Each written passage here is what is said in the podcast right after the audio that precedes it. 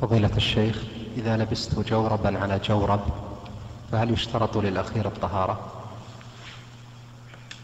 نعم. نعم.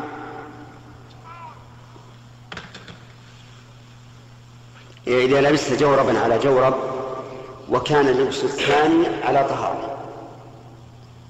فلا بأس على القول الراجح. وبعض العلماء يرى أنك إذا مسحت على الجورب الأول فاستمر عليه. ولا تلبس عليه شيئا. وإن لبست عليه شيئا وأردت الوضوء فلا بد أن تخلع الذي لبست أخيرا وتمسح الأسفل.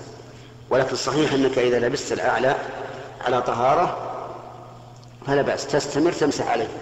ولكن ابتداء المدة من المسح الأول.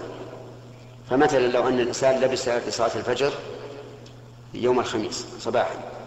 لا دعني من أن يقول لبس يوم الأحد صباحا. واستمر على هذا إلى أن مسحه لصلاة المغرب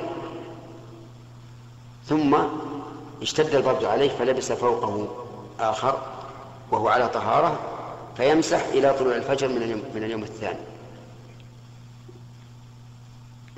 واضح؟ شيخ طهارة مسح ولا طهارة مسح ولا نعم. جورب ممسوح عليه مسح سبق المسح عليه هو سيلبس جوربا آخر اي نعم بس اللي قبل المسح عليه اي لا بأس. هذا هو اللي هذا قلنا. قلنا هذا هو القول الراجح. بعض العلماء يقول لا. إذا مسحت على الأول استمر. والصحيح أنه يجوز أن تلبس الثاني إذا كنت على طهارة لكن ابتداء مدته من مسح على الأول. نعم.